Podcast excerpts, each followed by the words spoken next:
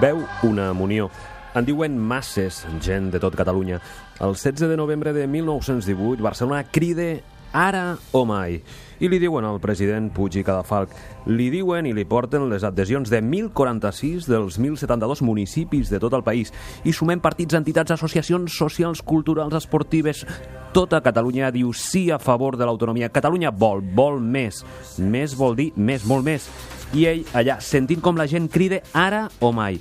Però clar, ha de ser ara, i tot comença. El president Puig i Cadafalc ja avisarà que és l'hora del màxim esforç, ja que cal fer el màxim esforç si volem salvar Catalunya i seguir la nostra tasca de tornar-la a si mateixa. Si no, d'aquí a pocs anys estarem tan lluny d'Europa com els estats que s'intervenen amb operacions de conquesta que hipòcritament qualifiquem de política i no serà possible ni el comerç ni la indústria incipient ni els afanys per la nostra cultura.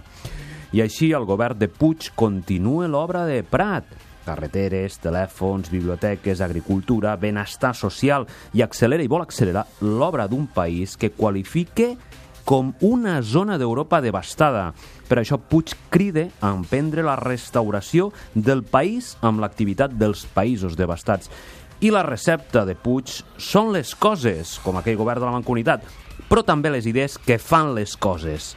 En dirà ell el patriotisme, que per a ell és encara garantia de bon govern, i fets passats han demostrat com sols el patriotisme, la nostra Barcelona i Catalunya es lliuraren d'una gran catàstrofe sense que després cap mesura de govern hagi estat presa per fer la pau durable. El patriotisme nostre és una garantia de civilització. Ho prové tota la nostra obra realitzada.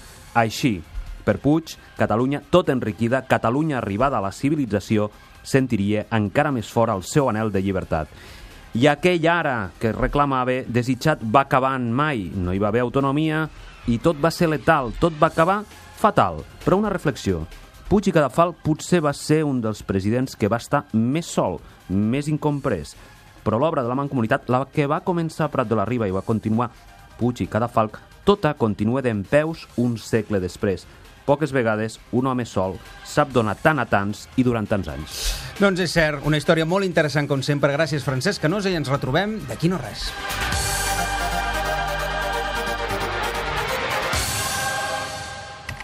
Toni Aire i els Spin Doctors a Catalunya Ràdio.